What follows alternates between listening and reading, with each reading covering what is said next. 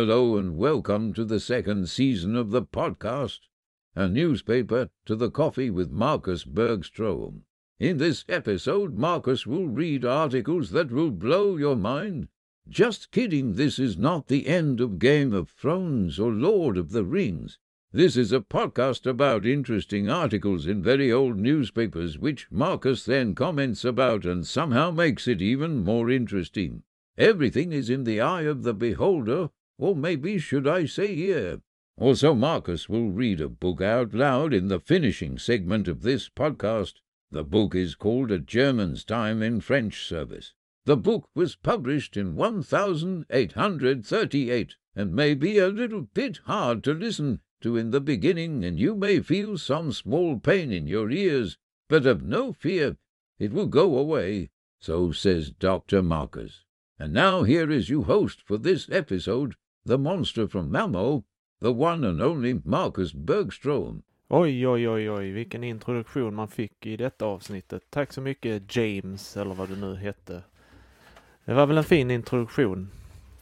Uh, nu har vi kommit till säsong två allihopa. Välkomna! Det ska bli riktigt kul att, att göra denna säsongen som jag inte vet hur många avsnitt det kommer att bli. Men det kommer att bli kul i alla fall. Kul, kul, kul!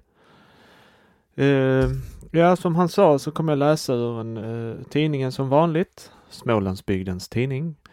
Idag är det ifrån den eh, uh, 17 juni 1940. Alltså mitt under brinnande krig andra världskriget.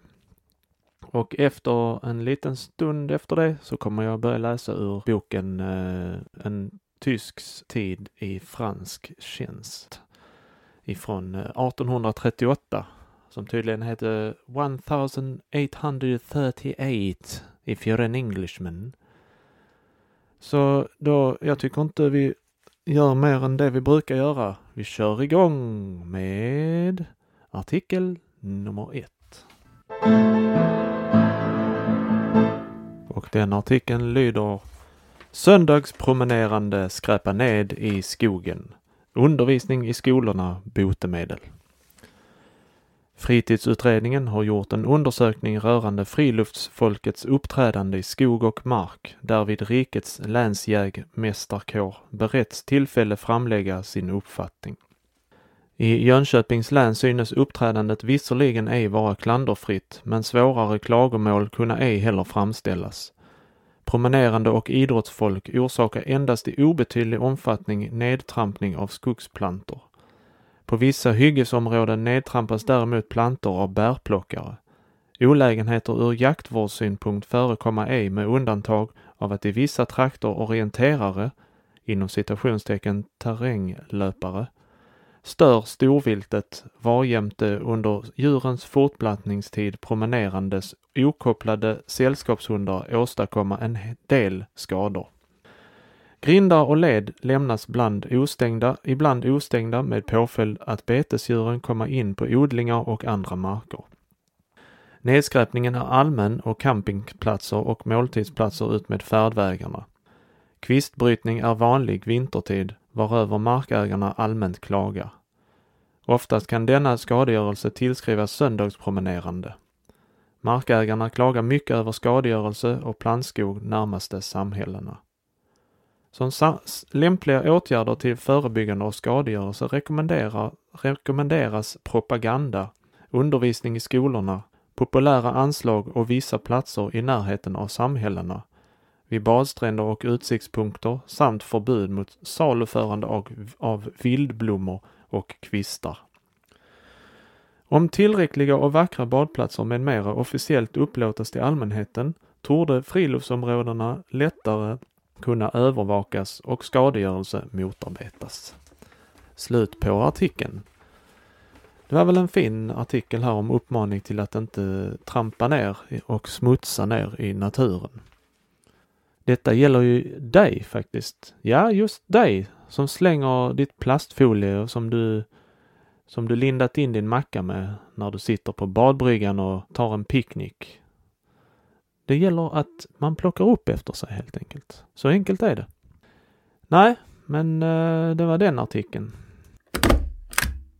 Nästa artikel heter Misslyckad rymning från fängelset. Strax före klockan 11 på fredagsförmiddagen inträffade en rymning från fängelset i Jönköping.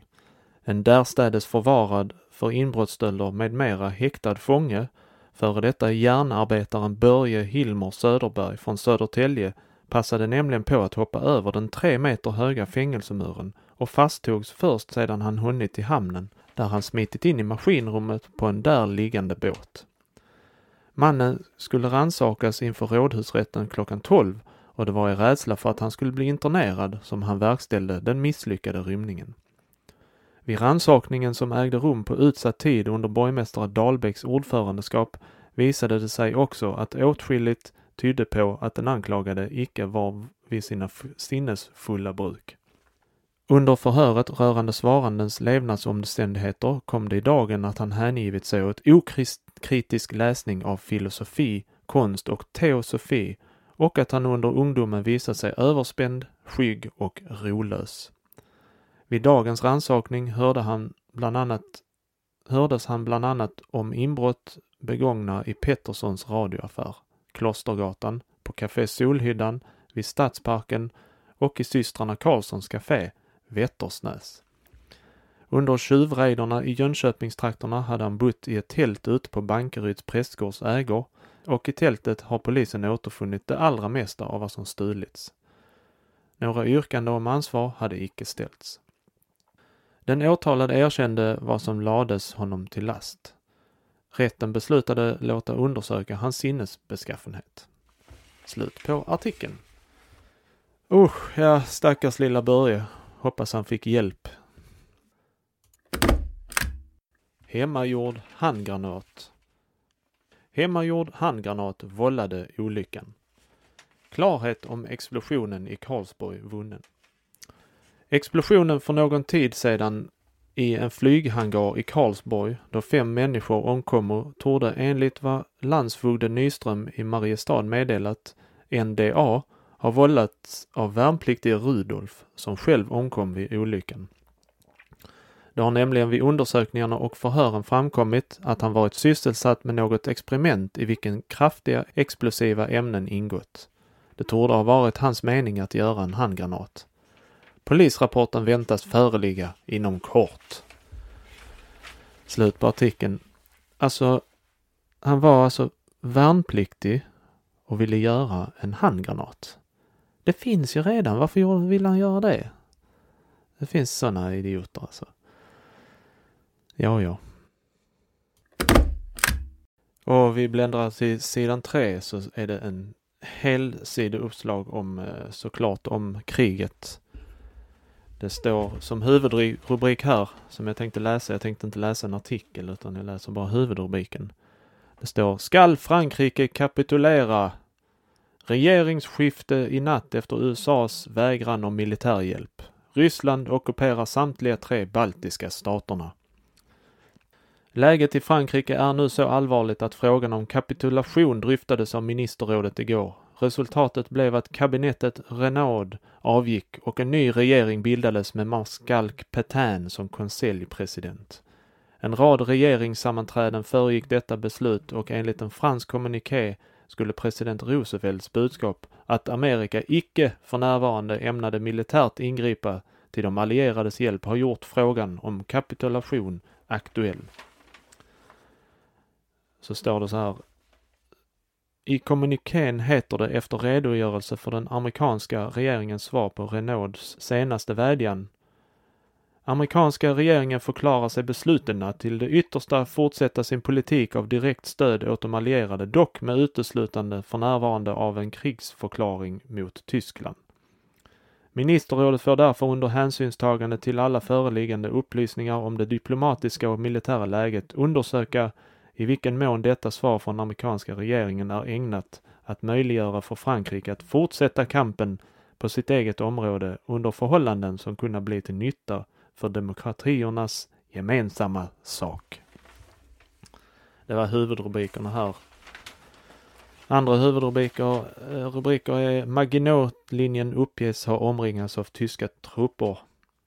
Offensiven i, offensiven i Frankrike närmar sig schweiziska gränsen. Stora delar av franska fronten upprivna, säger Berlin. Tyskland har satt in 150 divisioner. Läget i Champagne är mycket allvarligt. Och så står det England ska fortsätta tills segern har vunnits. De litar på blockadens verkningar och franska flottan. Tyskland måste vinna om några månader eller förlora kriget. Det var några huvudrubriker ur eh, krigssituationen just då. Ur Grönköpings Veckoblads midsommarnummer, vilket som vi redan förut påpekat är roligt och högaktuellt som vanligt, saxar vi. Gåborgaremärket tog förra söndagen herr kopparslagaren Edmund Grönstedt hemma i sin matsal genom att gå milen runt sitt stora matsalsbord på en timme och 16 minuter under vederbörlig kontroll. Herr kopparslagare G var av herr stadsläkare Salvén förbjuden vistas i friskluft på grund av katarr. Efter avslutad vandring intog den nykårade gråborgaren middag tillsammans med kontrollanter och inbjudna gäster vid bordet i fråga. Ett gott exempel på spänstighet. Rädisorna skola i år ätas med både blad och skälk, när vetenskapen numera upptäckt att vitaminer har krupit upp just i dessa delar. Cykel med hundhållare är en ny uppfinning som herr Klensmed C.A. Östberg skruvat samman. I en mindre stålkorg fram till på maskinen kan man bekvämt forsla med sig mindre och trögsprungna hundar. Om så önskas kan naturligtvis även i korgen ett barn eventuellt medföras, men är det hela tänkt för hund. Det var några tre korta ur Grönköpings Veckoblad. Det var ju strångt jobbat av eh, Edmund Grönstedt här som gick en mil runt sitt matsalsbord. Det, måste ha varit, det låter fruktansvärt tråkigt. Han måste ha nött ner eh, golvet runt matbordet ju. Och cykel med hundhållare, jag vet inte, men det kallas ju korg, vad jag vet. Ja, det var ingen dum idé. Bär själv hem paketet. Stockholm den 14. Ett litet blått märke med gul text. Tack för att ni själv bär hem paketet kommer varje lojal stockholmare att få på sitt paket som belöning för att han själv tar det under armen istället för att begära om att få det hemskickat från affären. Om måndag börjar Stockholms livsmedelshandlareförbund och Konsum i samråd med Köpmannaförbundet en gemensam propaganda för att i möjligaste mån lägga om och rationalisera handelns transportproblem. Alltså det måste man ju ändå säga, vilken, vilken belöning alltså. Att få ett, ett eh, blått märke med gul text. Tack för att ni bär hem paketet. Det är, det är verkligen en sporre där för att man ska ut och röra på sig.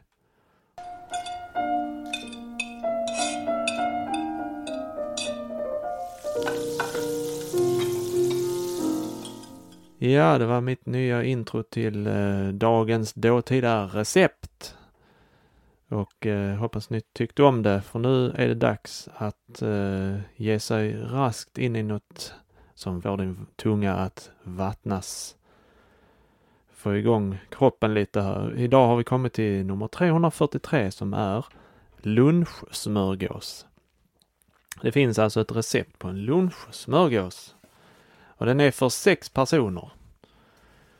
Då behöver man sex skivor vitt bröd, ragu, tre KKP rester av kalvstek eller fågel, en matsked smör, en, en och en halv till, till garneringen så behöver man gurka, syltlök, vinbärsgelé.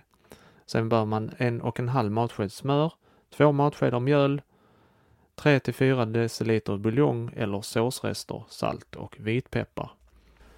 Och hur gör man de här underbara lunchsmörgåsarna? Jo, man eh, skär brödskivorna omkring två centimeter tjocka. De holkas ur litet på översidan. De strykas med smöret och sättas in i het ugn att få färg. Till ragun skäres köttet i fina tärningar. Smör och mjöl fräsas samman och buljongen spädes på. Såsen får sakta koka 10 minuter. Köttet tillsättes och ragun smakas av. Det bör nu vara tämligen tjock. Ragun läggs på smörgåsarna så högt som möjligt. De garneras med skivor av gurka, syltlök och en klick gelé. Smörgåsarna bör sedan omedelbart serveras. Denna ragu kan avsmakas med lite vin om så önskas. Andra lämpliga smaktillsatser är lök och tomatpuré.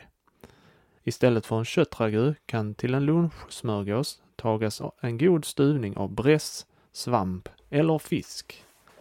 Det var väl en intressant, eh, ett intressant recept detta får jag säga. Det lät, eh, det lät väldigt gott. I Grönköping. Cykeln dominerar i Grönköpings veckoblads midsommarnummer naturligt nog. Men där finns även utsökt, utsökta råd att hämta angående midsommaren. Simkort och annat nyttigt. Vi saxar. Tvenne alldeles nya tvålar, A22 Point, har med kort, tid, med, kort tids mellanrum blivit bortstulna från Stadshotellets toalettrum, trots att tvålarna vore ordentligt tjudrade medelst ett snöre som satt fast i väggen. Följden härav har blivit att tvålen numera hålles inlåst av herr vaktmästare Färm och endast får lånas mot kvitto. Maskroslegumen är mycket pikant i smaken och finns gratis i nästan varje trädgård. Den klippes i nätta bitar, lägges i skål och såsas som om den vore gravlax eller hummer, varefter man kokar kaffe på roten som rostas och förmales. Själva blommorna kunna sättas i något, någon enklare vas och av skälkarna kan man göra kedjor som mycket glädja de flesta barn. En trevlig sällskapslek kan bedrivas med hjälp av utblommade maskrosor. Man blåser då på fröna och räknar sedan de kvarsittande varigenom man kan erfara hur många månader det dröjer tills man blir förlovad på nytt eller något dylikt som alltid intresserar. Det var slut på artikeln där, eller artiklarna. Det var från Grönköping det. Väldigt bra tips på maskrosor. Mörkläggningsdrullor dömda i Vetlanda. Fyra flickor för oväsen på torget. Östra Njudungs tingslags tolfte sammanträde under vårtinget har hållits. Som rättens ordförande fungerade häradshövding Robert Nordenadler och åklagare vore landsfiskalerna J.P. Norén och Karl Rundbäck samt statsfiskal Nils Oskar Nilsson. Uppropslistan upptog 59 mål varav 25 åklagarmål. En Jönköpingsbo fick för olovligt brukande av annans bil, vårdslös framfart och tillgrepp böta 50 kronor. Och en person från Ökna som sålt bensin utan tillstånd sonade detta med 20 kronor böter. För tillgrepp av sprängämnen ur stadens förråd fick en stadsbo böta 15 kronor och en Bäcksedabo som kört bil på olovlig tid böter härför 20 kronor. För att ha åkt cykel utan tänd lykta fick en person från samma socken böta 10 kronor. Fyra flickor i staden som fört oljud och väckt förargelse på stadens torg en kväll under mörkläggningstiden fingo sona detta med vardera 20 kronor i böter. Fylleri kostade fyra personer från olika håll respektive 15 och 20 kronor böter vardera. Fyra stadsbor som icke haft ordentligt mörklagt under den här förbestämda tiden får böta vardera fem dagsböter varierande från 2 till 15 kronor. En Björköbo som uppfört en byggnad utan tillstånd fick härför böta, böta 20 kronor. Slut på artikeln. Men vad är det för mörkläggningsmani? Jag fattar inte. Ska, varför ska man mörklägga? De menar nog att man ska stänga ner. Ja, men det var ganska intressant i alla fall.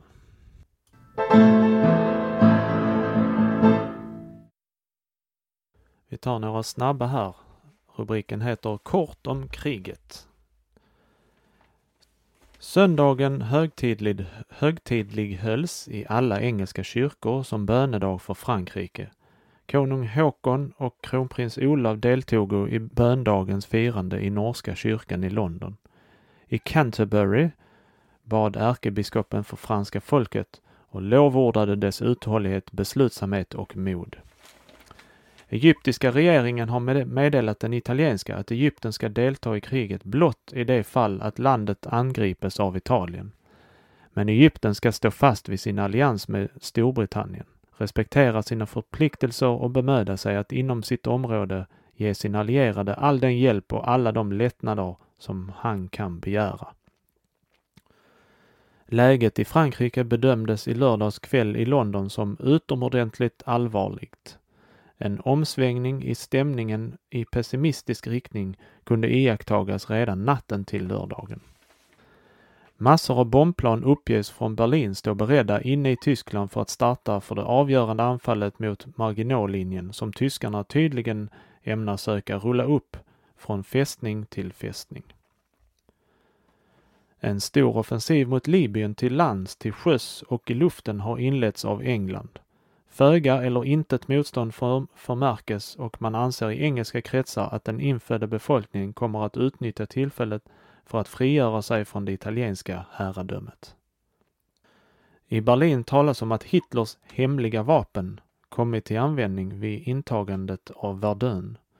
Någon bekräftelse på uppgiften har emellertid inte stått att få. Vid lördagens inskrivningsförrättningar i England enrollerades 272 025 värnpliktiga tillhörande 18-åringarnas klass. Den norska staden Bergen har ånyo varit utsatt för bombardemang från engelsk sida, vilka främst riktade sig mot ammunitionsförråd som upplagts på kajorna i hamnen. Det var slut på artikeln här. En kort uppdatering om eh, läget i andra världskriget. Drunkningsolycka i Eksjö 30-årig servitris, servitris från Vetlanda omkom. En drunkningsolycka inträffade på söndagen vid Prästängens friluftsbad i Eksjö där en 30-årig servitris, Rut Gustafsson, råkade komma ut för djup, på för djupt vatten. Den förolyckade som var skriven i Vetlanda landsförsamling var icke simkunnig. Ännu en drunkningsolycka. Göteborg den 16. Lagerarbetaren I.A. Elmé har på söndagen förolyckats under badningen i Landvettersjön. Den omkomne som var 44 år gammal efterlämnar hustru och barn. Julianas eh, son dog efter födelsen. Prinsessan Juliana nedkom strax efter ankomsten till England, dit resan brådstörtat företagits med anledning av den tyska invasionen i Holland, med en son. Den lille prinsen som nu var, som var för tidigt född har nu avlidit. Ja, det var lite tråkiga nyheter, men sånt får man ju ta. Medborgarfesten i Tranås. Medborgarfesten i Tranås för försvarslånet igår blev mycket lyckad. Det vackra vädret och intresse för försvaret hade drivit ej mindre än tusen personer till folkparken där högtidligheten hölls. Festen inleddes med en marsch av Tranås musikkår. Därefter höll advokat Anders Lind ett anförande om vilket han å de politiska partiernas vägnar hälsade samtliga välkomna. Efter sång av operasångare Conny Molin följde ett tal av statsrådet Domö. Han uppmanade alla att energiskt och kallt värna om vår frihet och ej undandraga sig att giva landet stöd. Härefter läste en teaterchef Hammarén några valda stycken. Högtidligheten avslutades med en anf ett anförande av advokat Lind som utbringade ett leve. Härefter sjöngs Du gamla, du fria. Kollekten till neutralitetsvakten uppgick till 300 kronor. Under aftonens lopp tecknades omkring 20 000. Slut på artikeln här. Men den här eh, operasångerskan, operasångaren Conny Molin, han har ju varit med på han är ofta med, han besöker ofta medborgarfester och sjunger sin opera. Han måste vara populär på den tiden. Och det är ju kul. Och här är en artikel ifrån någon som kallar sig Eftertryck förbjudes. Nej, självklart heter han inte det, men eh, det är i alla fall en insändare här. Nej, det är faktiskt någon som heter E. E. Wellstrand. Jag tänkte läsa första eh, stycket här, för det är en väldigt lång artikel, tar upp nästan halva tidningen här. Vår på Västerålen.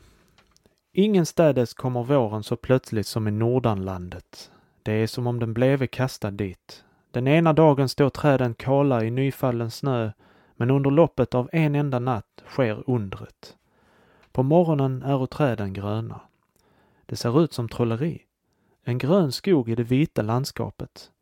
Men efter några timmar har snön smält. Solen har gjort sin tjänst, hjälpt av vårregn i strida byar. Och så ligger landskapet där som nytvättat från fjärd till fjäll. Det lyser i många färger, men mest i grönt. Och havet som länge legat mörkt får en starkt blå ton när det krusas av bris. Är det vindstilla ligger det som en blank massa mellan öarna. Strändernas vita sand lyser som marmor mellan, den blank, mellan det blanka havet och de gröna markerna där de gula blomstren står nickande med sina huvuden mot solen. Ja, våren nordpå i landet bjuder på stora överraskningar och plötsliga övergångar. Den både överrumplar och förvånar. Och så fortsätter det här. Det är mer hans personliga beskrivning av hur han tog emot våren. Men det var väldigt fint skrivet, det var det. Björn Ranelid hade inte kunnat sagt det bättre själv. Turistbroschyr om Nässjö. Den livaktiga Nässjö turisttrafikförening har inför sommarsäsongen sänt ut en vackert utstyrd broschyr över Nässjö, småländska höglandets höjdplatå. På de 32 sidorna ges i raska drag en skildring av ortens utvecklingshistoria och bygdens sevärdheter. De markanta dragen i dagens Nässjö tecknas ingående, men med särskild kärlek dröjer textförfattaren Arvid Wallerström som man kan förstå vid de historiska anorna. Man får bland annat veta att även Åkers gård, numera tillhörande försörjningsrätten, haft sin storhetstid och att Viktor Rydberg hade sin morfar i Nässjö. Hembygdsparken får sitt särskilda kapitel och ett intressant och samlad redogörelse lämnas på fornlämningarna i trakten. De äro Torsa stenar vid Toranäs, Sticket, Fagertofta och Esperyd, samtliga mera betydande, samt vid Åker, Stuntamålen, Bäckfall, Räfsnäs, Bäckshult, Isåsa, Gissarp, Hunseberg och Nässjöbyn vid Gamla kyrkan.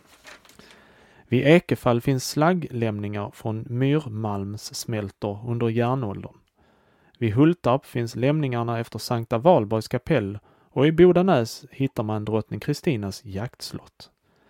Vidare innehåller broschyren, som är rikt illustrerad, en mängd upplysningar av praktiskt värde för den resande allmänheten, bland annat en förteckning över hotell och pensionat i Nässjö med omnejd.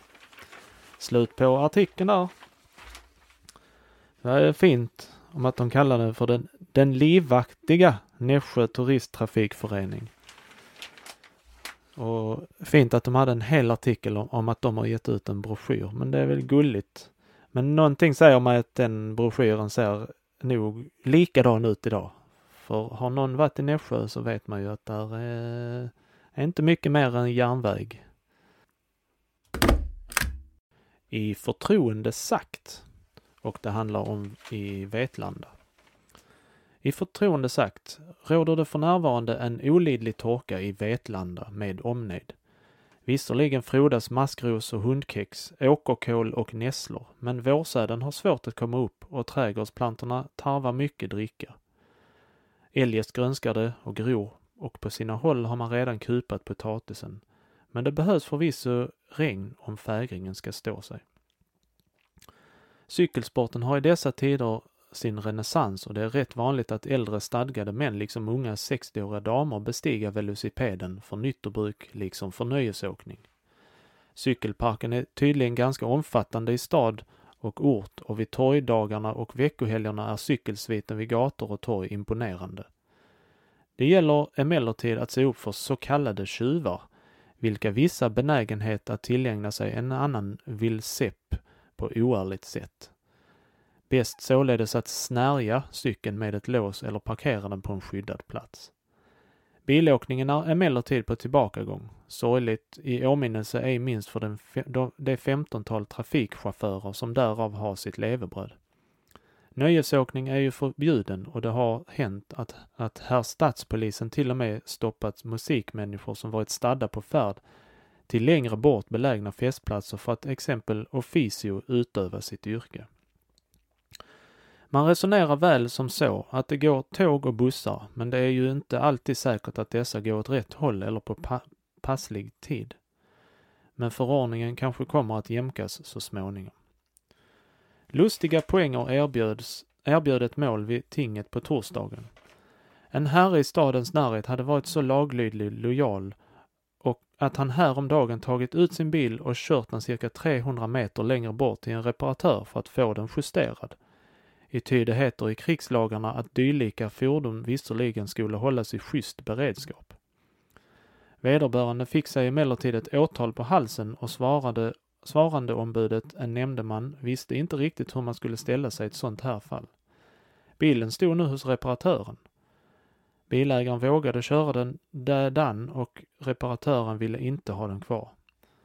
När vederbörande sökt följa beredskapslagen så åkte han in i rena olagligheten, tyckte nämndeman. Kunde man inte tänka sig att nämndeman spände en häst för bilen och på så sätt forslade den dädan, undrade ordföranden. Men i så fall skulle ju nämndemannen bli åtalad för att ha kört bil utan körkort, menade denne på. Så att vi lever onekligen i ett tidevarv, som gubben sa. Eljest lär hemvärnet vara startklart och skyddsrummen ävenledes i ordning. Det ser ut att finnas levande intresse för organisationens planmässiga genomförande. De stora skyddslådorna utanför Stadshotellets källare har på ett tilltalande och praktiskt sätt förvandlats till blommande drivbänkar. Något som eliminerar det eljest skrämmande intrycket. Man bara hoppas att de som har dylika lådor utmed Storgatan och annorstädes ordnar till dem på samma sätt. Badlivet står just nu i, i flor tack vare torkan och hettan och inhemska turister har redan per enbets och tandembicykel börjat fara vägarna fram. Vandrarhemmet har redan haft påhälsning. Soffsittningen i Apoteksparken pågår i full utsträckning och snart kommer man att slå kobetet på de gator vid vilka inga stadsfullmäktige bor. Vilket också är en glädje för all, i all bedrövelsen. Änderna i fågeldammen synas att komma sig och Jonsson på stationen har äntligen låtit taga i håll med bäckpromenadens utfyllning. Blomsholms gamla ladugård har rivits och därmed gick liksom en idyll. Precis som det förut gått med det hundraåriga spannmålsmagasinet i Östanå.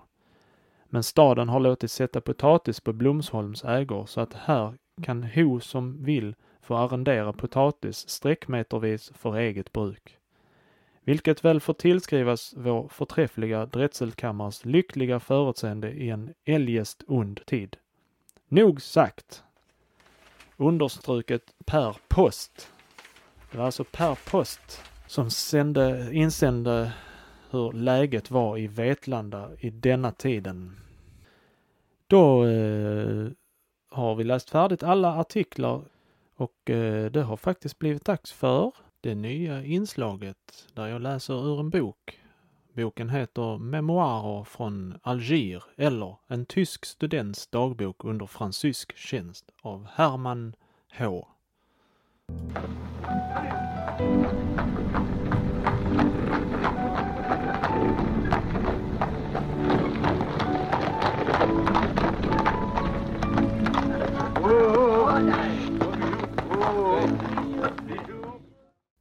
Och eh, boken börjar med eh, en eh, citat eller en dikt från Goethe som jag aldrig har hört. Det är på tyska. Was eine lange, weite Strecke im Leben von einander stand, das kommt nun under einer Decke dem guten Leser in die Hand. Doch schäme dich nicht der Gebrechen, vollende schnell das kleine Buch, Die Welt ist voller Widerspruch und sollte sich nicht widersprechen.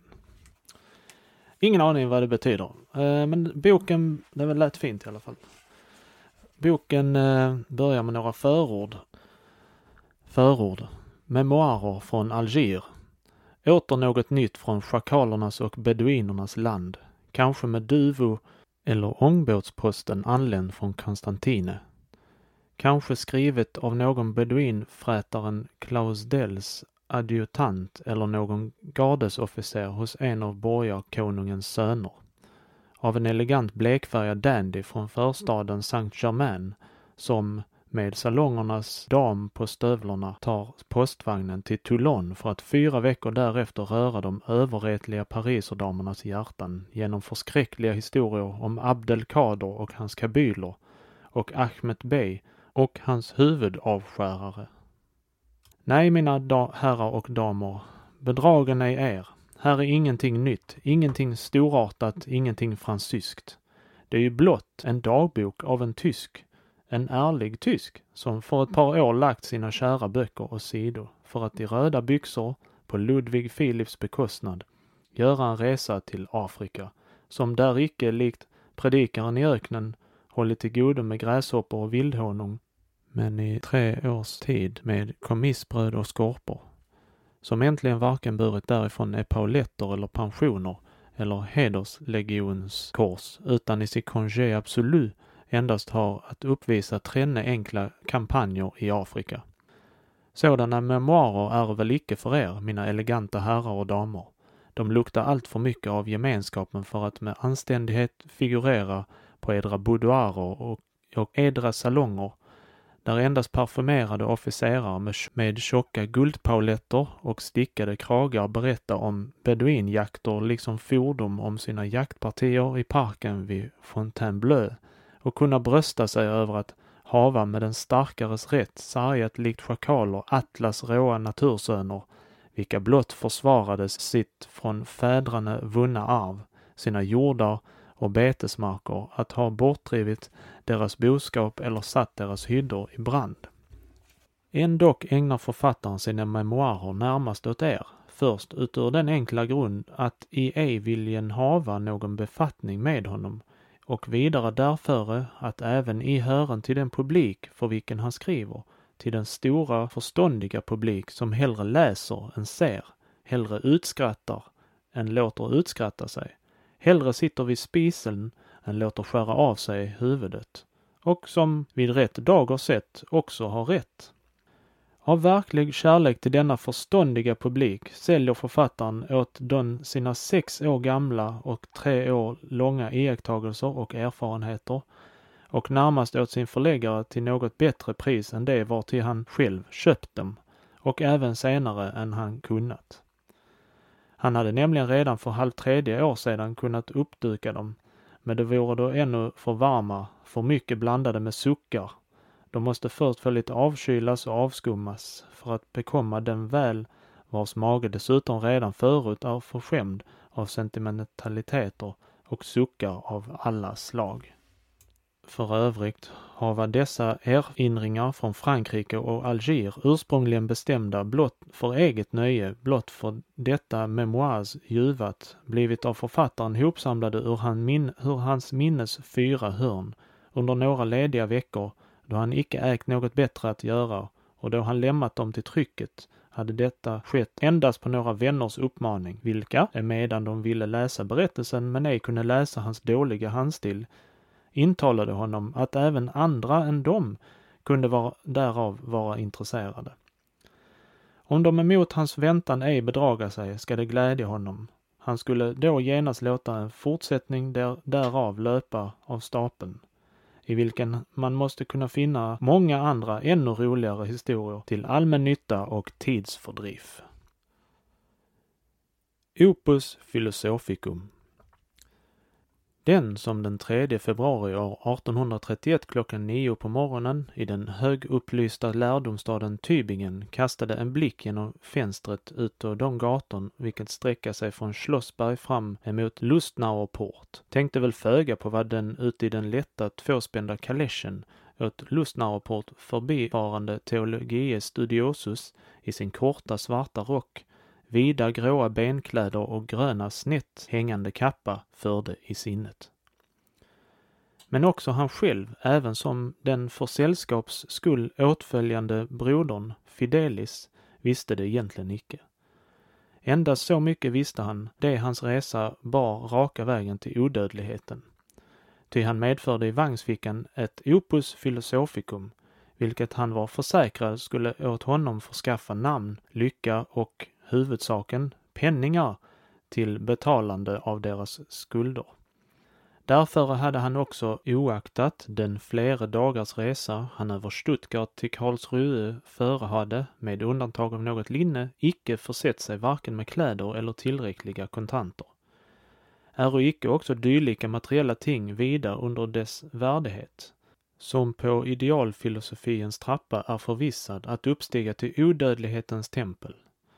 Eller hur skulle jag, Ty varför skulle jag längre tala om mig in tertia persona då läsaren i alla fall säkert länge sedan vet att det är jag?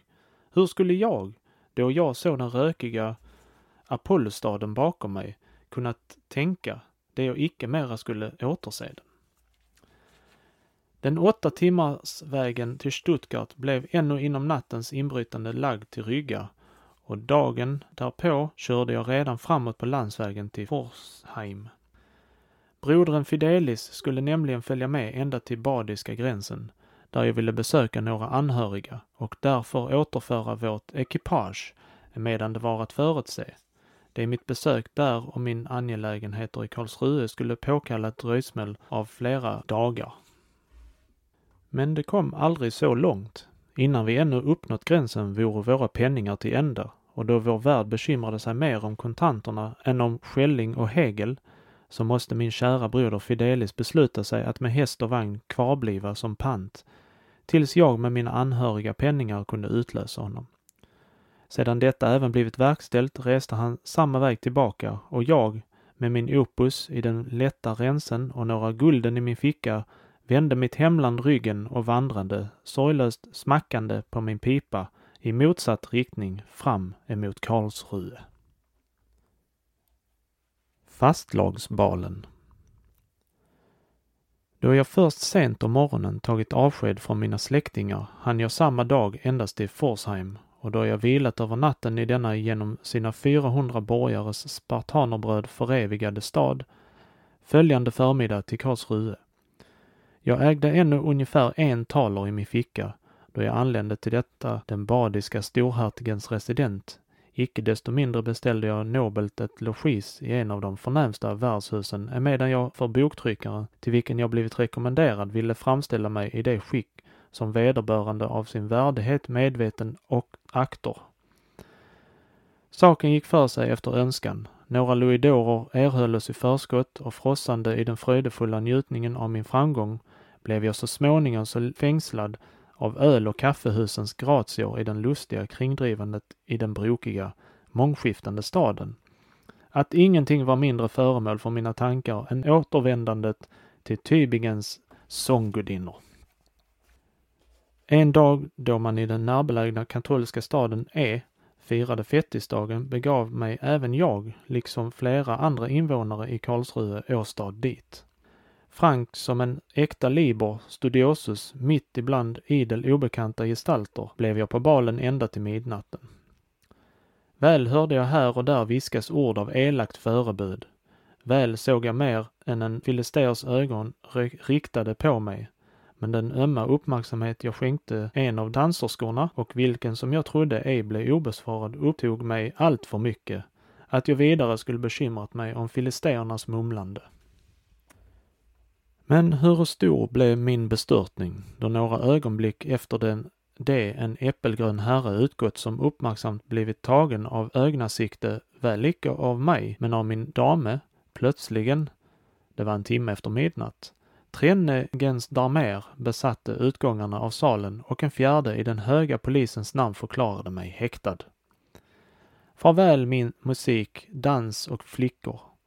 Jag måste besluta mig att åtfölja den enstaviga stadstjänaren till fängelse, vares till utvilande av mina trötta ben blev mig anvisad en föga välluktande halmbädd med täcke och till avkylande av mitt blod en kruka friskt vatten. Förhöret Såväl före mitt insomnande, som dock icke länge uteblev, som efter mitt uppvaknande om morgonen, mitt häktande.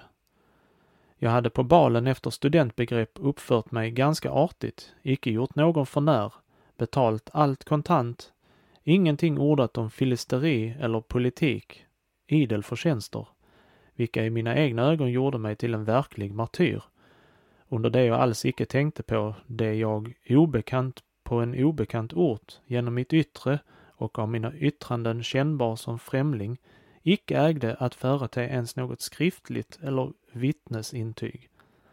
Vem och varifrån jag vore, vad jag gjorde här och så vidare. Det tövade dock ej länge innan jag över den misstanka för vilken jag blivit föremål erhöll allsköns önskliga upplysningar mot flyktingarna i anledning av det göttingska revolutionsförsöket, vilka man trodde sig veta befunne sig i grannskapet för att smyga sig undan till Frankrike, vore helt nyligen arresteringsorders ankomna. Tybinska lantjägarestaten, vilken samma dag jag avreste brutit upp därifrån och om vilken jag icke hade mig någonting bekant, hade redan genom tidningarna blivit ryktbar och under denna allmänna drivjakt efter demagoger och jakobiner, då polisen tog alla får, getter och bockar som förirrat sig ett par steg ifrån jorden, för sannskyldigt villebråd blev även jag äkta absolutiske hegelianare som en politisk orosstiftare ansedd och en revolutionär lösdrivare. Då jag över min person endast var i stånd att meddela försäkringar utan bevis så var det här överramtmannens önskan det jag ännu några timmar behagde åtnöja mig med en privatboning mig blivit anvisad, tills ett med ett öppet brev från mig till residenset avsänt bud återförde betyg att jag verkligen vore den för vilken jag gav mig ut. Sedan detta hade anlänt och jag med två floriner 42 kronor betalt mitt ljuvliga nattläger och en god varm brödsoppa, vilken jag om morgonen rekvirerat, det vill säga under förevändning att mina penningar vore slut, lovat att översända betalningen från Karlsruhe, blev jag åter satt på fri fot under ursäkter av överamtmannen. Dock likväl med en vänskaplig varning att aldrig mera utan pass beträda den höga stadens område. Detta sista utlovade jag, efter en så praktisk lärdom av allt hjärta och riktade mina steg istället för till residensstaden Karlsruhe åt den rakt motsatta sidan. Åt Strasbourg. Säkerligen jag vågar därpå hundrande mot ett, ska var och en som får veta hur jag kommit på detta raska beslut tro mig hava blivit galen. Anledningen därtill var verkligen ingen annan än den att jag ej ville låta skratta ut mig i Karlsruhe av min värd och förläggare, vilka båda av polisbudet blivit invigde i mitt nattliga äventyr. Så bestämdes ofta många års väl eller ve av en enda dåraktig nyck som skriker vår hjärna döv. Istället för att genast vända tillbaka till min logis och för att undvika varje ytterligare kollision med polisen omedelbart rusta mig till avfärd ville jag på stället utföra min förra plan att begagna Strasbourgs grannskap till en utflykt ditåt, utan att ens med något ord förut lämna underrättelse därom på värdshuset eller åt mina bekanta.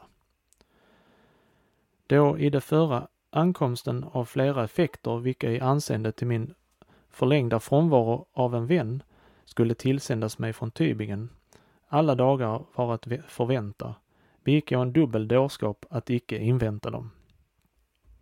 Men vem skulle väl då hava sagt mig att jag från Strasbourg icke mera skulle återvända, icke mera återse Karlsruhe?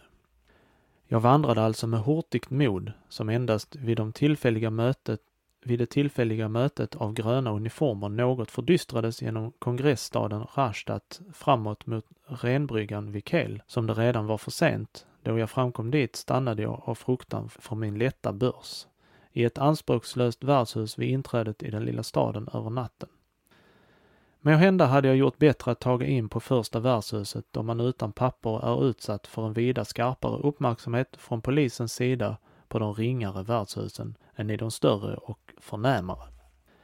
Verkligen inträffade också att jag då jag redan lagt mig blev av en lantjägare instämd för polisen till följande dagen.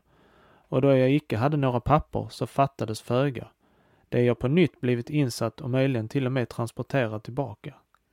Men här räddade jag mig min brevväska, vilken i E ingenting gällt, men som jämte andra ärliga namn även innehöll det för polisaktuarien bekanta av en bland mina studiekamrater.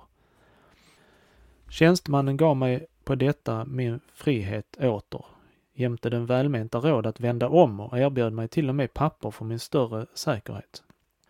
Jag gav honom mitt löfte, men istället åtlyda honom, att åtlyda honom närmade jag mig skenbarligen blott såsom nyfiken spatsergångare, kelbryggan och flux var jag däröver på den fransyska sidan, varest jag blev stående stum och handfallen tills den fransyska skiltvakten halt la skallade emot mig.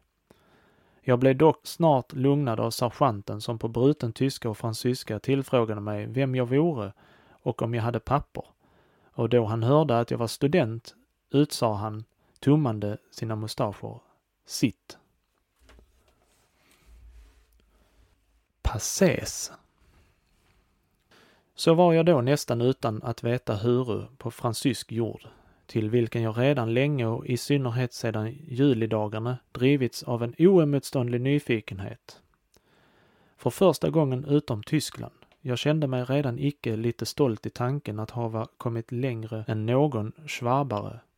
Jag kunde blott icke begripa att ej genast här allting var annorlunda än i Tyskland.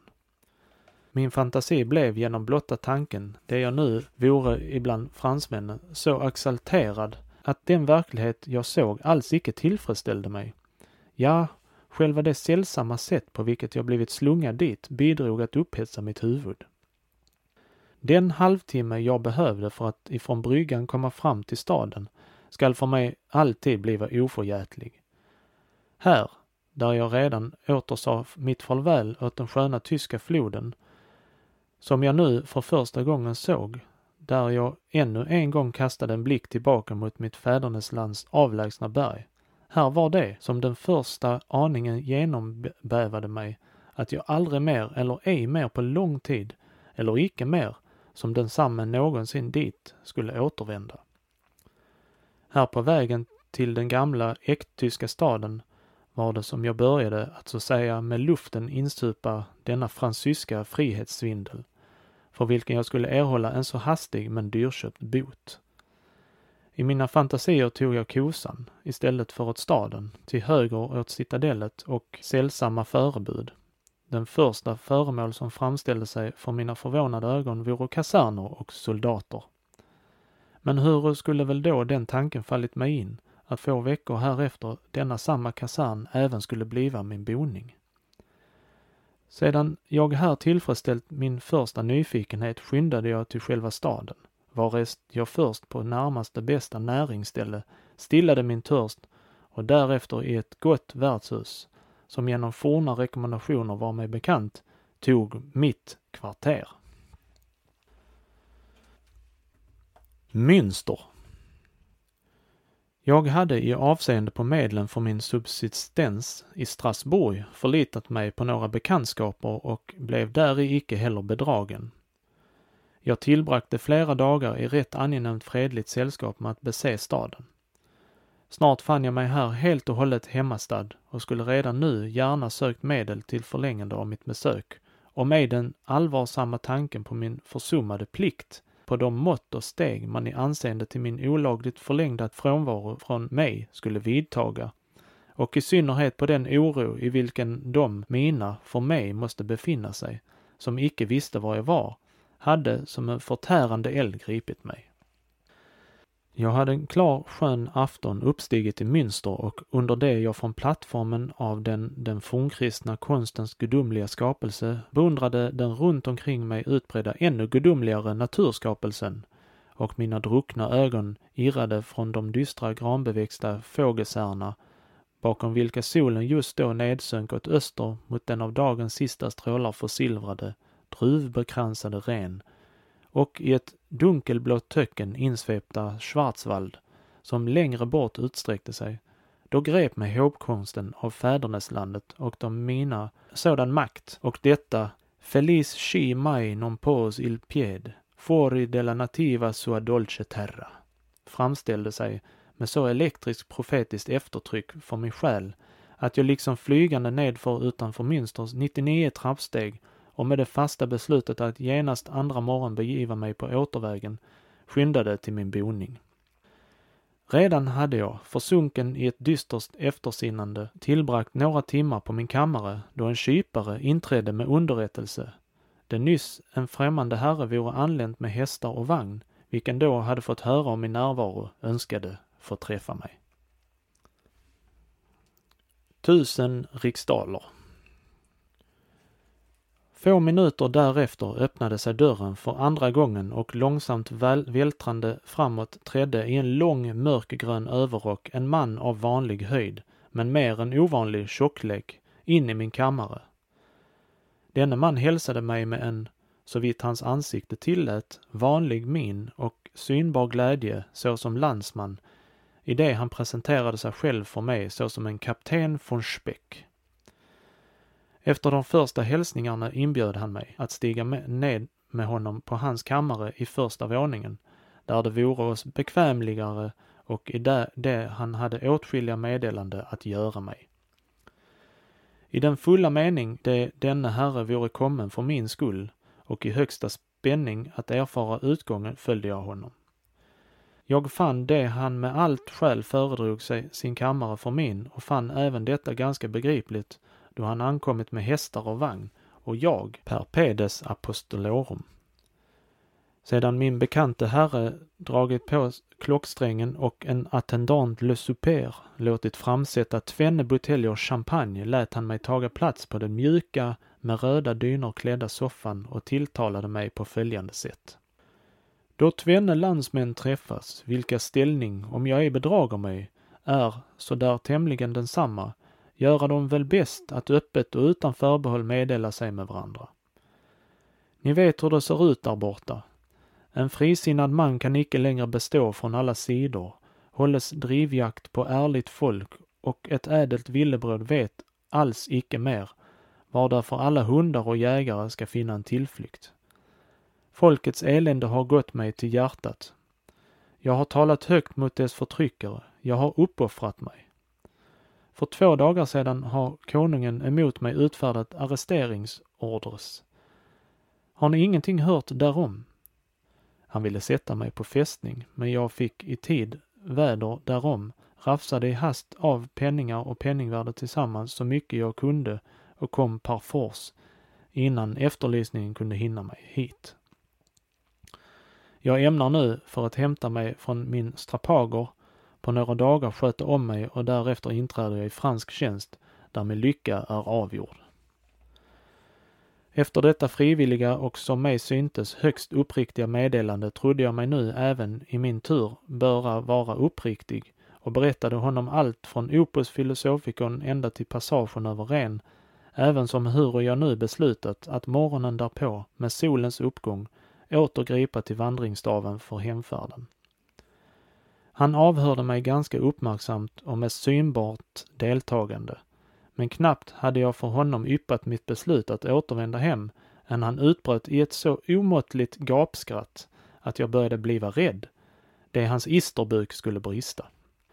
Plötsligt tvärstannade han i denna fruktansvärda explosion och talade mig till mig sålunda. Jaså, ni således i vilken jag med, vid första ögonkastet såg ett genialiskt huvud, ni, vilken en blind slump likasom med avsikt kastats in på denna mark, att malgré vous, som fransosen säger, göra eder lycka. Ni kunde begå det dumma strecket att återvända dit, där det mörkaste hål i Karsors länge sedan väntat er. Sade ni icke själv det man redan på badiska området ansåg er som misstänkt för Tybinger-historien? kan ni väl ett ögonblick betvivla att ej där borta en ännu svårare misstanke vilar på er och om ni också efter en veckoslång arrest renar er därifrån, att ni dock för er otillåtna långa bortovaro måste erhålla en, ett concilium abondi och kan hända för alltid bliva förvisad universitetet. Har ni, vad jag dock icke känner, därtill skulden, så är beslag utom dess redan lagt på edert gods och bohag om vad jag likaledes icke känner ni äger något sådant, och ni har i händelse av återkomst blott att vänta skymf och näsa. Han androg för mig ännu flera dylika övertalningsgrunder, på vilka jag dock icke vidare hörde då föreställningen av det, som efter vad jag nu icke längre betvivlade väntade mig i Tybingen, plötsligt med en förskräcklighet vida över all sannolikhet framträdde för min själ. Jag teg några ögonblick i dystert eftersinnande, äntligen avbruten av ett Nå vad? svarade jag. Det är sant, jag har ej föreställt mig följderna så allvarsamma som de verkligen äro. Jag är eder högst förbunden att ni gjort mig uppmärksam därpå. Men vad i Guds namn ska jag taga mig till, utan penningar, utan utsikt att bekomma dylika, utan alla medel till uppehälle i ett främmande land, vars språk jag icke en gång riktigt känner? Vad tagar jag till? Till en början lever ni nu med mig och håller mig sällskap vid bordet och i övrigt ty jag älskar icke varken stora världen eller ensamheten. För medel till ert uppehälle må ni till en början ej vara bekymrad. Och med dessa ord drog han ur en koffert upp en tung börs och la mig den i handen, att jag måtte väga den. Voilà le gros d'armée. Tusen riksdaler i rent guld. Och här, tillade han, i det han uttömde på bordet en annan läderpung, vilket innehöll åtskilliga mynt i guld och silver av olika storlekar och till största delen av för mig obekant prägling. Voici la reserve. Jag visste länge ej vad jag skulle svara på ett så oväntat anbud eller tänka om en så besynnerlig apostrof. Ni behagar skämta, sa jag äntligen. Men om ni också hade allvar med er, ert alltför goda anbud, kan ni väl icke tro att jag till den grad skulle vilja ligga eder till last.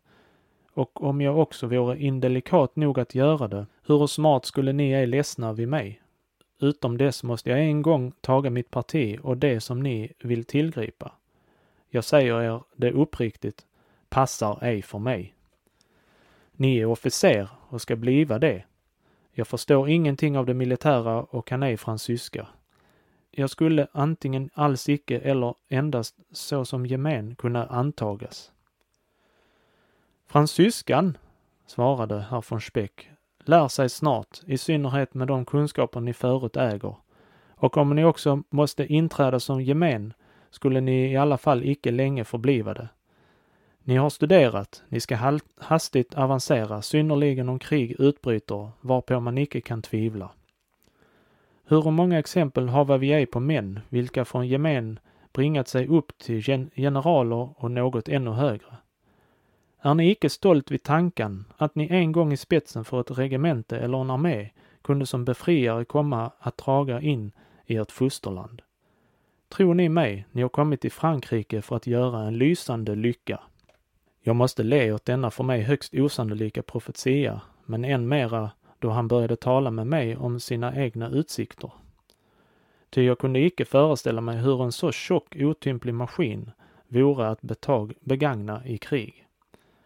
Emellertid lät herr von Speck icke anstå med att skänka uti eller dricka till och redan började champagnen göra sig, sig rum i mitt huvud då man förkunnade oss att supén var serverad. Efter måltiden måste jag giva min nya bekanta det löfte att åtminstone en dag uppskjuta mitt avsked och under det vi bägge drog oss tillbaka till våra rum förnyade han sitt första anbud och lämnade mig med tillropet A man. Vilket också är eh, början på nästa kapitel, namnet på början näst, på nästa kapitel, A man. Men eh, nu tycker jag vi har eh, läst tillräckligt. Vi har kommit till sidan 10 och eh, hoppas ni tyckte det var intressant och eh, roligt. Eh, vi eh, hörs nästa vecka, eller nästa vecka igen, det beror på hur mycket tid jag har. Då vi gör ett likadant avsnitt som detta. Eh, hoppas ni får en eh, riktigt fin fortsättning på denna dagen och eh, ha det nu gott så ses vi igen. Hej då!